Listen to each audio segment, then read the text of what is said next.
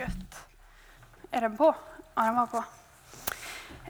Um, som jag sa innan så kommer det här andra passet bli lite mer personligt där jag delar mitt vittnesbörd lite mer och där jag delar fem, fem tips eller fem områden som har varit eh, viktiga för mig. Men bara så, från att ha med sig då från första passet är att jag verkligen vill betona att, att det beslut som vi väljer att, eh, att följa Jesus, det håller verkligen och att Paulus får vara en förebild i det. Och att när vi fattar ett beslut så går vi från, från någonting till någonting annat. Vi går från mörker till ljus. Så.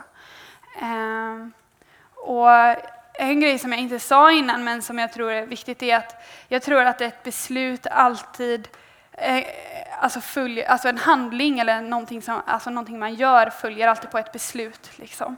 Om jag beslutar mig för någonting så får det också konsekvenser. Liksom. Eh, så. Ja. Och att följa Jesus får konsekvenser för, för våra liv helt enkelt.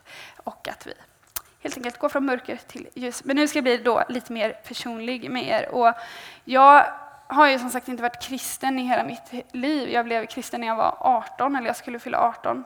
Det var 2007, så det var ju ett tag sedan nu. Ehm, och det var inte så lätt faktiskt. Det var, det var ganska tufft. Eh, så. Jag eh, har alltid eh, spelat handboll jättemycket. Jag har verkligen satsat på handbollen fram till jag var 18. Och det var precis i den vevan när jag hade fattat beslutet att jag skulle sluta med handbollen för att det, jag mådde inte jättebra över det. Eller det, var, det tog väldigt mycket av min tid och det tog mycket av min tankekraft. Liksom. Och, eh, jag hann inte med andra saker. Och samtidigt så, alltså en sak som blev påverkad av att jag tränade så mycket, det var skolan. Eh, och så. så att då ha fattat det, mest, det då mest tuffa beslutet av alla beslut, att lägga ner det som var min passion, det som jag älskade, det som jag hade liksom tänkt att det är det här jag ska göra med mitt liv, jag ska spela handboll, jag ska bli proffs. Jag hade liksom börjat elitsatsa när jag var 14 år. Och, eh, så. Att, att fatta det beslutet var väldigt tufft. Eh, och då samtidigt känna att man hade massa ämnen i skolan som man kämpade med för att bli godkänd på för att man inte hade tid. Och någonstans så hamnade jag i någon identitetskris här och bara, vem är jag? Alltså, vem är jag när jag inte spelar handboll? Vem är jag när jag inte får min dagliga bekräftelse från handbollen? Liksom? Alltså, vem är jag? Och jag gick i de här tankarna och jag bara kände så här, eh, jag kände mig så sjukt dålig, för jag var inte bra på någonting längre. Jag var dålig i skolan och jag var inte bra på handboll längre. Jag var ju fortfarande bra på handboll, det var ju bara det att jag hade lagt av med det. Men så. Eh, och samtidigt här så blev min bror kristen. Jag vet inte hur många som känner min bror, men han heter Kim Ytterstedt i alla fall. Och han blev kristen och valde att gå på Strandhems bibelskola. Och under det året så bad de för mig. Eh, det har jag ju fått veta typ sådär fem år senare. Och jag bara så ah, makes sense now. Så jag har liksom inte riktigt fattat vart den här längtan efter eh, för, för min bror, då, eller Kim, han började berätta om Jesus för mig och jag var så här, oh, men jag orkar inte, du är bara hjärntvättad. Och så. Eh, men han började berätta, och det var, han började berätta saker som att men, alltså Gud, han älskar dig. Han älskar inte dig för det du gör, utan han älskar dig för den du är. Och jag bara, ah, just det, den där guden älskar mig. Så eh, men, men han var ändå så här, i kärlek liksom, ändå, och i väldigt mycket rätt så här, rakhet. Vi är ju syskon så då kan man vara raka mot varandra. I väldigt mycket rakhet så var han inne och sa bara så här, men det här är inte så bra i ditt liv, Jasmin. Eh, så, det var vissa grejer. Och jag var så här, ah, ja, okej. Okay. Typ. Men i alla fall, att han började berätta om Jesus och att de började be för mig på bibelskolan eh, gjorde ju att någonstans så längtade jag efter, jag längtade efter det som han hade funnit. Och jag var inte beredd att säga att det var Gud jag längtade efter, men jag längtade efter att få känna mig älskad. Liksom. Jag längtade efter att få känna mig älskad på det sättet som han beskrev det. Eh, och jag såg också att det var någonting i hans liv som hade förändrats. Eller så här, det var verkligen, han hade nya värderingar och eh, han var mycket mer, alltså han hade verkligen, han var kärleksfull innan också, men han hade en annan kärlek till människor nu. Liksom. Eh, så. Och det blev, ja, men jag såg att det var någonting som hade hänt i hans liv. Liksom. Och jag kände så här, men jag vill också ha det. Eh, så det var någon gång där när jag då skulle testa och be jag var väldigt frustrerad. Jag skulle ha matteprov dagen efter. Det var ett av de ämnena som jag kämpade mycket med. Jag har alltid haft jättesvårt för matte.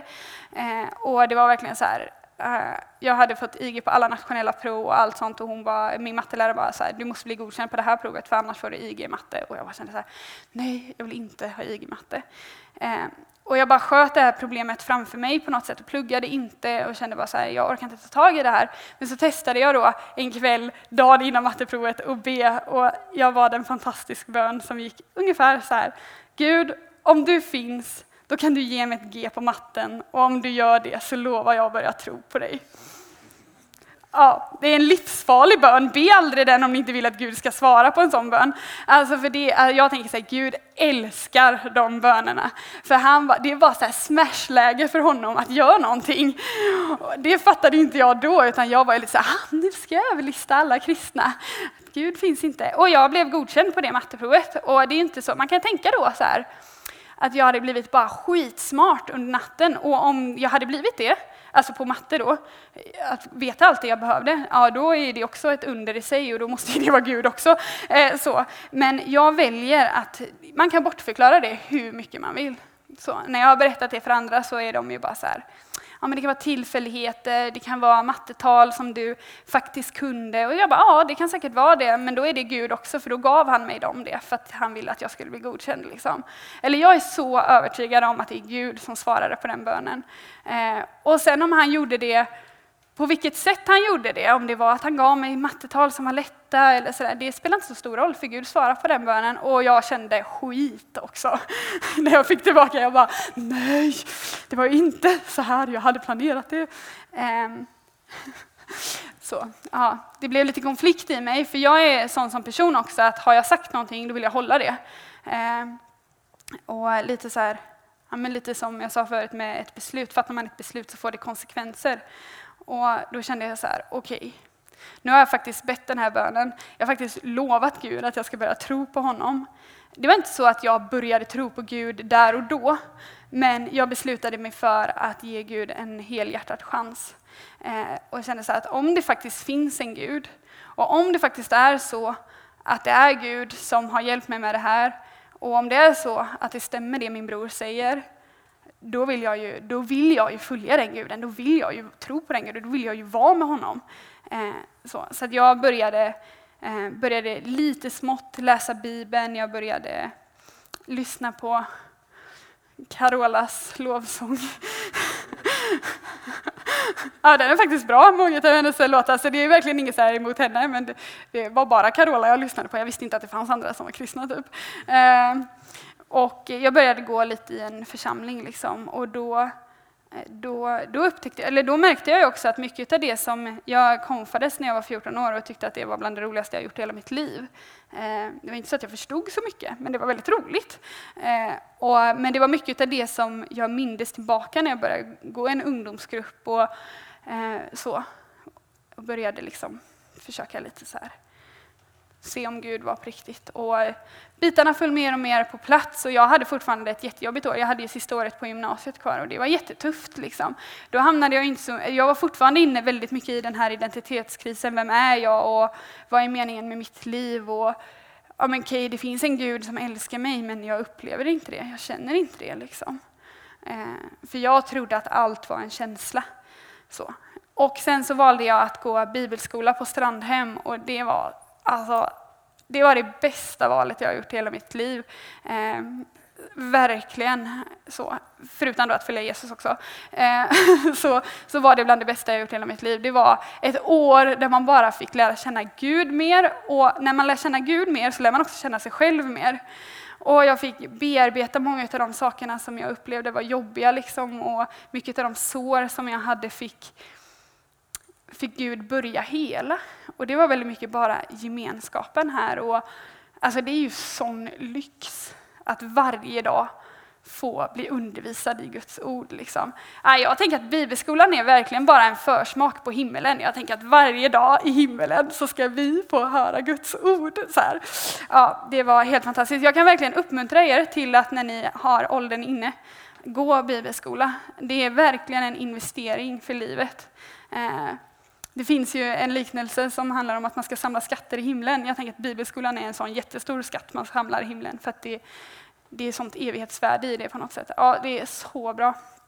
Och jag kan rekommendera Strandhem också. Jag har lite reklam för Strandhem här. Väldigt bra bibelskola. Ehm ja, men jag gick där och jag lärde känna Gud mer och det var, det var faktiskt på bibelskolan som jag fattade mitt beslut om att på riktigt följa Jesus. Eh, och då kan man tänka att det var ändå ett och ett halvt år senare än den gången när jag bad den där bönen hemma i min säng när jag var jätteledsen och kände bara att jag kommer inte klara matten. Men då, det var en process för mig att komma fram dit. Liksom. Och jag pratade ju lite om det förut, att det kan komma som en stilla beröring i en process eller med buller och bång som för Paulus. Eh, men det var en process för mig att komma fram dit och det var, det var en dag när vi var i Peru på missionsresan som jag fattade mitt beslut av att men nu vill jag verkligen på riktigt helhjärtat följa Jesus. Inte bara tänka att det är det jag vill utan nu vill jag göra det. Och mitt liv har aldrig varit så likt efter det. Eh, så. Utan det har varit mycket bättre än vad jag trodde att det skulle vara. Och sen, jag hade ju, som jag sa, jag skulle ju bli handbollsproffs. Och skulle jag inte bli handbollsproffs så skulle jag jobba som socionom. Och det är ju inget utav det jag är idag. Jag är inte socionom och jag är inte handbollsproffs. Utan jag har läst teologi i fyra år. Någonting, och jag undervisar ganska mycket. Liksom. Och det var någonting som jag var så här, det kommer jag aldrig göra. Det finns inte i min värld att jag ställer mig här uppe och undervisar. No way, det är jättebra när andra gör det, men jag gör inte det. Alltså så, här, så mina planer var inte Guds planer. Och det är det som är väldigt spännande att leva med Jesus. Och det var mycket min resa och jag har fortfarande, jag och Gud, vi, vi har ju saker varje dag som vi måste jobba med. Liksom. Och, alltså det är ju en relation. Eller så här, vi måste jobba på vår relation varje dag. Eh, men det är lite av mitt liv liksom, och hur jag hur jag... Och det, det är tufft, ska jag säga också. Min, min hemmiljö när jag kom hem till mina föräldrar, det är en väldigt så... Vi pratar inte om Gud och eh, min mamma håller på mycket med new age. Eh, så, så att det liksom, men jag tror att Gud har gjort något nytt, eller börjar göra något nytt i vår familj. Eh, för både jag och min bror är kristna och vi står upp för Jesus i vårt hem, liksom, i vårt föräldrahem. Även om våra föräldrar Pappa är så här, ja nej, jag skiter i vilket. Och mamma är så här, nej, allt. Så här, flummigt. Men äh, ja, det är väldigt flummigt. Jag har försökt förstå. Vi har pratat så många gånger, men jag fattar inte. Ja, det hänger inte alls ihop. Men jag älskar henne ändå och Gud älskar henne också. Och Gud älskar våra familjer oavsett om vi är kristna eller oavsett om de är kristna eller inte, för Gud, Gud älskar dem så.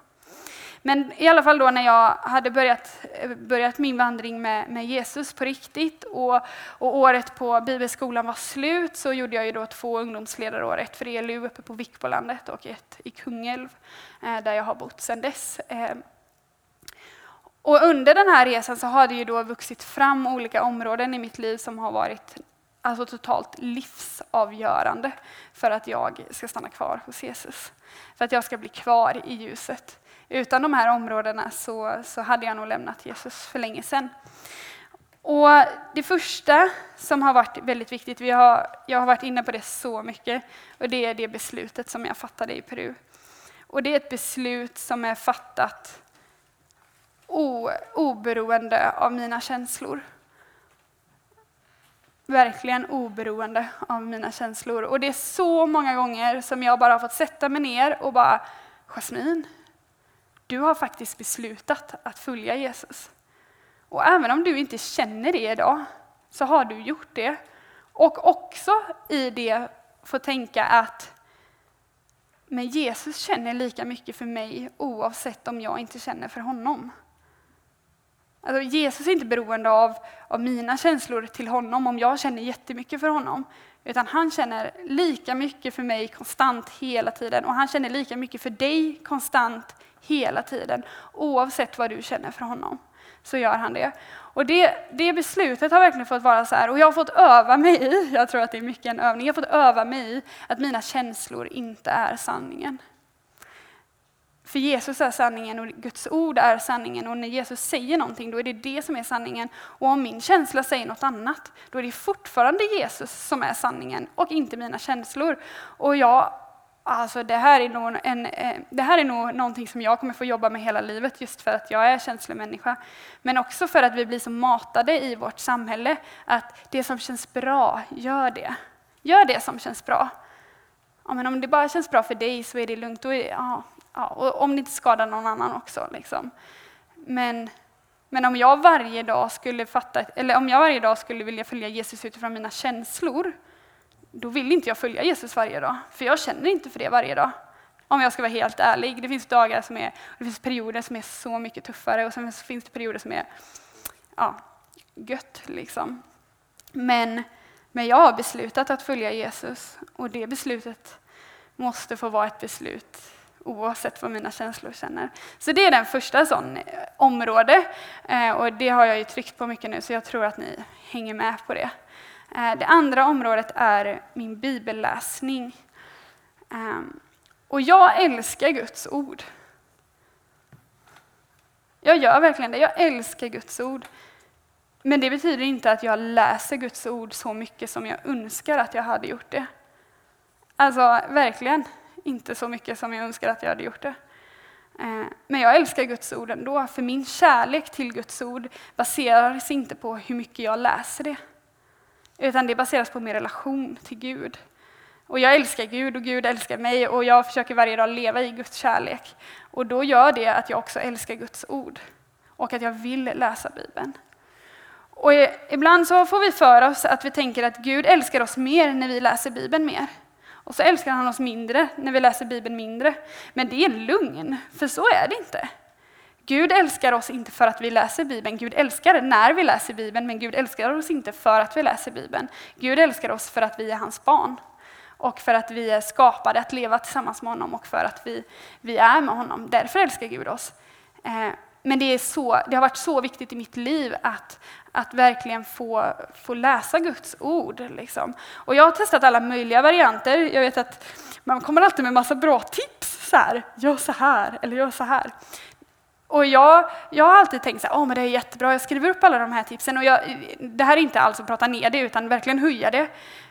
Och jag har bara insett att alla de här tipsen är jättebra, alla är bäst. Liksom, det kan vara att man läser en tumvers till exempel, eller det kan vara alltså i perioder så har jag läst väldigt eh, tematiskt, att jag läser en hel bok till exempel, eller att jag läser ett kapitel i taget, eller jag läser både från gamla och nya testamentet, eller jag har lyssnat på Bibeln när jag varit ute och gått. Och, och jag bara inser att jag kan inte välja vilket som är bäst, för alla är bäst. För vi är i olika säsonger i livet. Liksom. Och vi har olika saker som passar i olika tider. Um, så, så liksom bara ge dig ut i Bibeln, ge dig ut i Guds ord och hitta dina sätt. Och tänk inte att bara för att det här kanske inte funkar i den här perioden eller den här, ja men då är det ingenting för mig. För att det kan funka hur bra som helst ett år senare. Liksom. Eh, det viktigaste är inte hur vi läser Bibeln utan att vi faktiskt börjar, börjar läsa Bibeln lite grann. Eller i alla fall börjar ja, men börja lite och så kommer den, den kärleken till Guds ord växa. Och jag har Eh, ett fantastiskt citat från, från en av mina lärare. Ehm, på ALT, för vi pratade mycket nu i slutet på utbildningen om just Bibeln och bibelsyn. Och vi skulle ut i tjänst allihopa och det var viktigt att förankra hos oss. Vad har vi för, för bibelsyn? Och en sån sak som har gjort, som faktiskt har påverkat min bibelläsning också, det är att Bibeln är en auktoritet i mitt liv. Eh, jag har valt att Bibeln ska få vara en auktoritet i mitt liv. Ehm, för ibland upplevs Gud ganska diffus och ganska okonkret. Så här, om man bara, om man bara ska säga nu, nu vill jag att Gud ska säga någonting och så är det ofta väldigt tyst för mig. Eh, ibland pratar han jättemycket och ibland är han jättetyst. Men då vet jag att det mest konkreta som Gud har gett mig just nu här på jorden, det är Guds ord. Eh, och då, då har jag också valt att låta det vara en auktoritet i mitt liv. Och det gör också någonting med min bibelläsning, att jag vill läsa den. Och då sa min lärare så här, han heter Mikael Tellbe och är lärare på Örebro. Han sa så här, Bibeln kan bara bli en auktoritet i mötet med Kristus. Du behöver ställa dig under Kristus som din Herre för att Bibeln ska bli en auktoritet. Auktoritetsfrågan vilar under Kristusfrågan. Och jag tycker att det är så bra. Att, för då blir det väldigt prestigelöst och det blir väldigt prestationslöst. Att så här, okej, okay, Ehm, jag måste läsa massor och det är en auktoritet i mitt liv. Alltså Bibeln är ju en auktoritet i mitt liv för att jag har valt att ställa mig eh, under Jesus, att jag har valt att ha Jesus som Herre i mitt liv. Och då blir konsekvensen av det väldigt naturligt att Bibeln blir en auktoritet i mitt liv. Och för att veta vad Gud vill med mitt liv, för att veta Guds sanningar om mitt liv så måste jag ju läsa Bibeln. Då måste jag ju läsa Guds ord. Så har jag resonerat väldigt mycket, eller det har vuxit fram i mig. Liksom. Eh, och det är verkligen ett tips som jag bara vill skicka med er, att börja utforska Bibeln. Eh, för den är så fantastisk. Och var inte rädd för att läsa saker ni inte förstår. Ibland så håller vi oss väldigt mycket till exempel i Nya Testamentet och i evangelierna och det är fantastiskt för där får vi verkligen undervisning om Jesus och vi får höra honom undervisa och sådana saker. Men alltså Bibeln har så mycket guldkorn. Alltså, flera av mina favoriter är ju i Gamla Testamentet. Liksom. Men det är väldigt mycket som jag inte förstår. Vi hade en kurs om, gamla, eh, om profeterna i Gamla Testamentet på ALT och jag bara satt där som en fågelholk typ och bara fattade ingenting. Alltså dels så förstod jag inte vad de, vad de menade och sen så förstod jag, så började jag tvivla lite på Guds godhet för jag bara så här, ja men gud det här är inte så gött. Hur tänkte du här liksom? Men var inte rädd för det, utan var kvar i det och fundera över det och prata om det med folk. För att när man tar sig ur det så kommer det ha gjort någonting med en syn på Bibeln och det kommer ha gjort någonting med ens liv. Eh, för vi måste också våga ta i frågor som är, som är lite jobbiga. Liksom. Och, och tvivel är inte motsatsen till tro, utan otro är motsatsen till tro. Tvivel är en del av tron. Så att, våga, att, att tvivla på saker som har med Gud att göra, det är ingen fara. Liksom.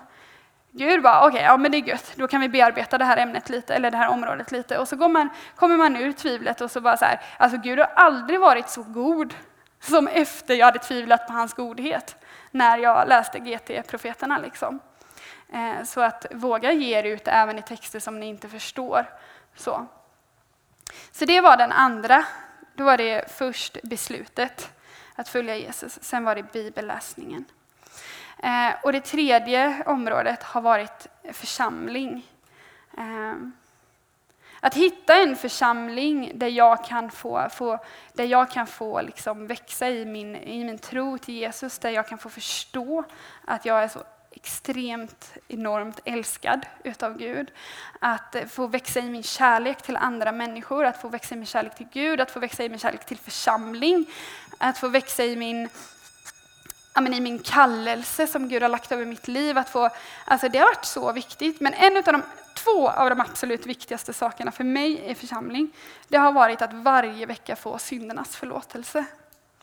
Att få den tillsagd sig, det gör någonting med mitt liv. Det gör någonting med mitt sätt att se på mig själv. Att jag, när jag varje vecka får lägga av mig det som är som inte kanske har gått så bra, eller någonting som, det kan ju även vara att man, man gjorde man gjorde någonting som man ångrar för jättelänge sedan, men man, liksom, man förstår inte riktigt att man är förlåten. Eller så här, och att få lägga av sig det igen och få prata om det med någon i församlingen, liksom, så här, det har varit så, så viktigt för mig. Utan det så hade jag nog...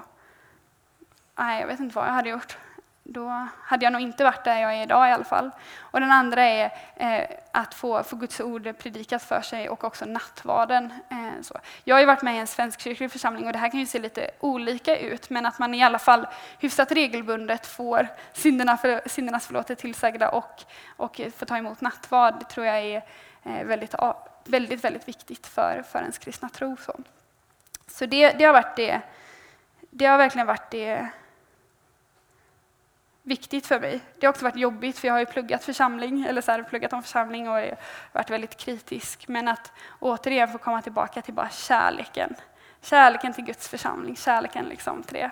Ja, det har varit häftigt. Så att, eh, det, jag tror att många av er har hört det här, hitta en församling, men verkligen hitta en församling. Har du ingen församling när du sitter här idag, men vill ha en församling, alltså då har du världens guldläge att bara grabba tag i typ Jakob eller grabba tag i Martin eller någon av de andra ledarna. Alltså det är ju människor från massa olika ställen eh, här. Och bara så här, ja, men jag, jag, jag skulle vilja gå i en församling och så kanske man är här men man bor i Göteborg eller man bor i Jönköping eller Stockholm. Ja, då kanske det är svårt att gå i den församlingen som Jakob går i.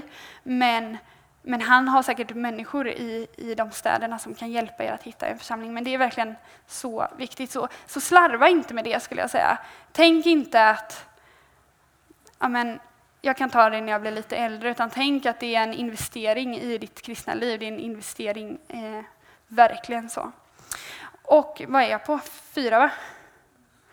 Eh, ah, och bönen då såklart. Bönen har också varit, eh, varit väldigt viktig för mig. Och speciellt i perioder där bibelläsningen har varit trög. Och jag är inte sån som person att jag sätter mig ner och bara, nu ska vi be. Då blir jag så här, då kollar jag på Facebook istället för jag blir så uttråkad på något sätt. Eller det blir så här, det blir så mycket press för mig. Okej, bara nu, nu måste jag pressa fram en bra bön här. För nu sätter jag mig ner här. Och jag vill inte alls eh, prata ner det heller, men jag har inte fungerat så. Jag är mer så här, när jag åker till jobbet, jag bara Gud tack för den här dagen. Jag bara, kan inte vi ha ett äventyr idag? Kan inte vi göra något roligt idag liksom? Bara, ja, ja. Och någon gång så bad jag en sån bön innan jag åkte till jobbet och så fick jag ett fantastiskt samtal om Bibeln med en av mina jobbarkompisar. Och hon var så helt fascinerad och bara Wow, du kan så mycket! Jag, bara, ja, jag har pluggat här i fyra år. Men, eh, men det var ändå liksom, jag var så uppmuntrad. För här tror vi att vi lever i ett sekulärt Sverige där folk inte bryr sig, men så är det inte. Vi lever, i ett, vi lever, i, vi lever i ett sekulärt Sverige och vissa bryr sig inte, men väldigt många är intresserade och är nyfikna och, och sådana saker. Och vi fick ett fantastiskt samtal. Liksom.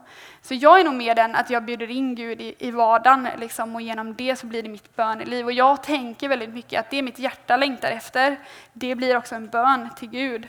Och det blir så, på något sätt så blir det så prestationslöst för mig att jag inte måste sätta mig ner. Men jag gör det också. För att jag tror också att det är viktigt att man bara får ibland lägga bort allting och nu ber jag här, eller nu bara kommer jag inför dig Gud, för nu vill jag bara vara med dig. Eller så. Ehm, men i bönen så har det också varit viktigt för mig att ha andra människor som jag ber för, att det inte bara blir mig och mitt eget, utan att jag får omsluta mina vänner i bön, jag får omsluta min församling i bön, jag får ehm, ja, vad det nu kan vara som ligger framför ungdomsvas eller vad som helst, så att jag får be för det. Ehm, att få lyfta upp det inför Gud också. Så, så var, var kreativ i bönen, var dig själv i bönen och det är ingen press i bönen överhuvudtaget. Men jag tror att jag tror att en, ens relation med Gud blir torr om man aldrig ber är, ja, jag tänker att det är lite som vatten. Liksom. När, vi, när, vi, när vi vattnar blommor så, så ja, då, då växer ju liksom livet eller så här, för de, i blomman, för de behöver den näringen eller de behöver den vattnet. Liksom. Men om man aldrig gör det så dör det ju och det blir astort och skittråkigt. Jättetråkig blomma. Liksom. Den är typ gul och inte så fin. Alltså om den är grön, ska vara grön då, så blir den gul och så bara, ser den skittråkig ut. Och så tänker jag lite att det är med mitt liv. Så har det i alla fall varit i mitt liv. De perioder då jag inte har bett Gud, de perioder då jag inte har bjudit in Gud i min vardag, de är ju mycket tråkigare och mycket torrare än de perioder där jag verkligen har bjudit in Gud. Eller så här. Och jag tänker att Gud också, han älskar allt vi gör. Jag är helt övertygad om att Gud älskar när jag kollar på Arsenal. För att det är faktiskt då jag också har haft mina några av mina absoluta bästa gudsmöten. Eh, för att jag har varit så här, Gud vi måste vinna det här! Och sen så gör vi det. Och så får jag bara säga tack Gud. Och så här, men även att han har Ja, men Gud han älskar alla fotbollslag lika mycket. Så att eh, man får be så även om man håller på Tottenham, eller på Chelsea, eller på United, eller på Barca, eller vilket lag man nu håller på. Så får man be den bönen också. Eh, att Gud ska hjälpa dig med.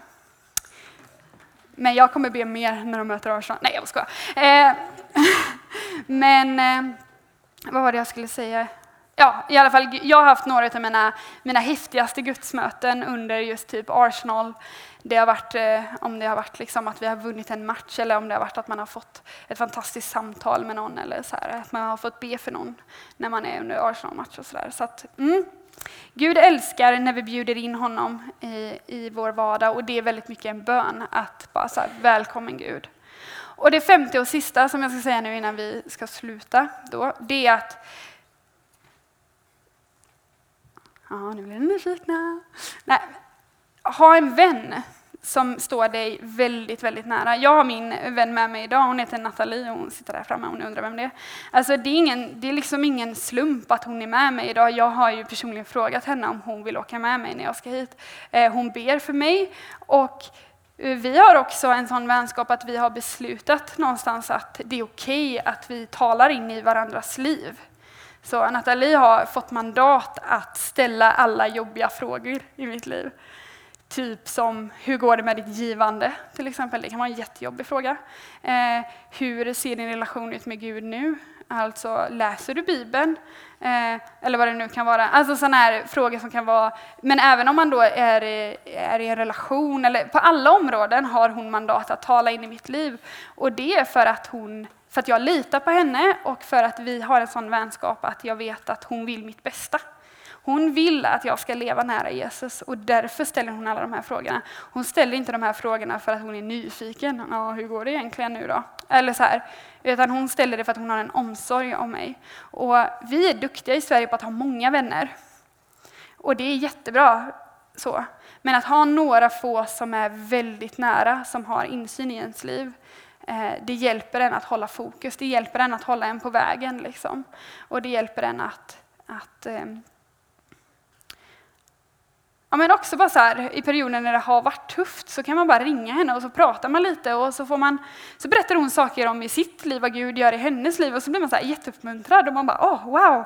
Eh, och så fortsätter man. Alltså bara att ha en vän som man kan få eh, som, som man vet ber för en och som man vet älskar en och som man vet vill det bästa, det, det är så viktigt. Så teama ihop dig med några, liksom. teama ihop dig med dem som står dig närmast. Och, Eh, bär varandra också i bön och bär, bär varandra i, i era gudsrelationer för att eh, de dagarna det skakar lite så är det väldigt, väldigt viktigt. Liksom.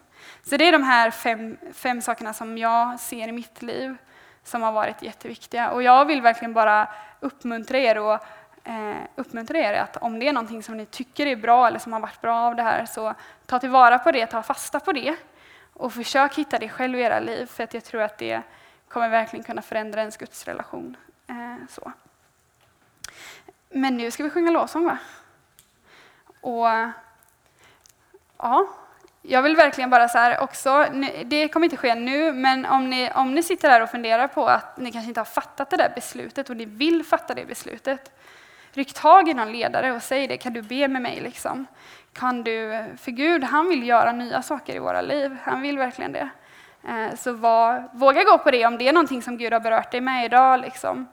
Eh, kasta inte bort det, utan behåll det och, och be över det. Och kom med det inför Gud nu i lovsången. Då. Mm.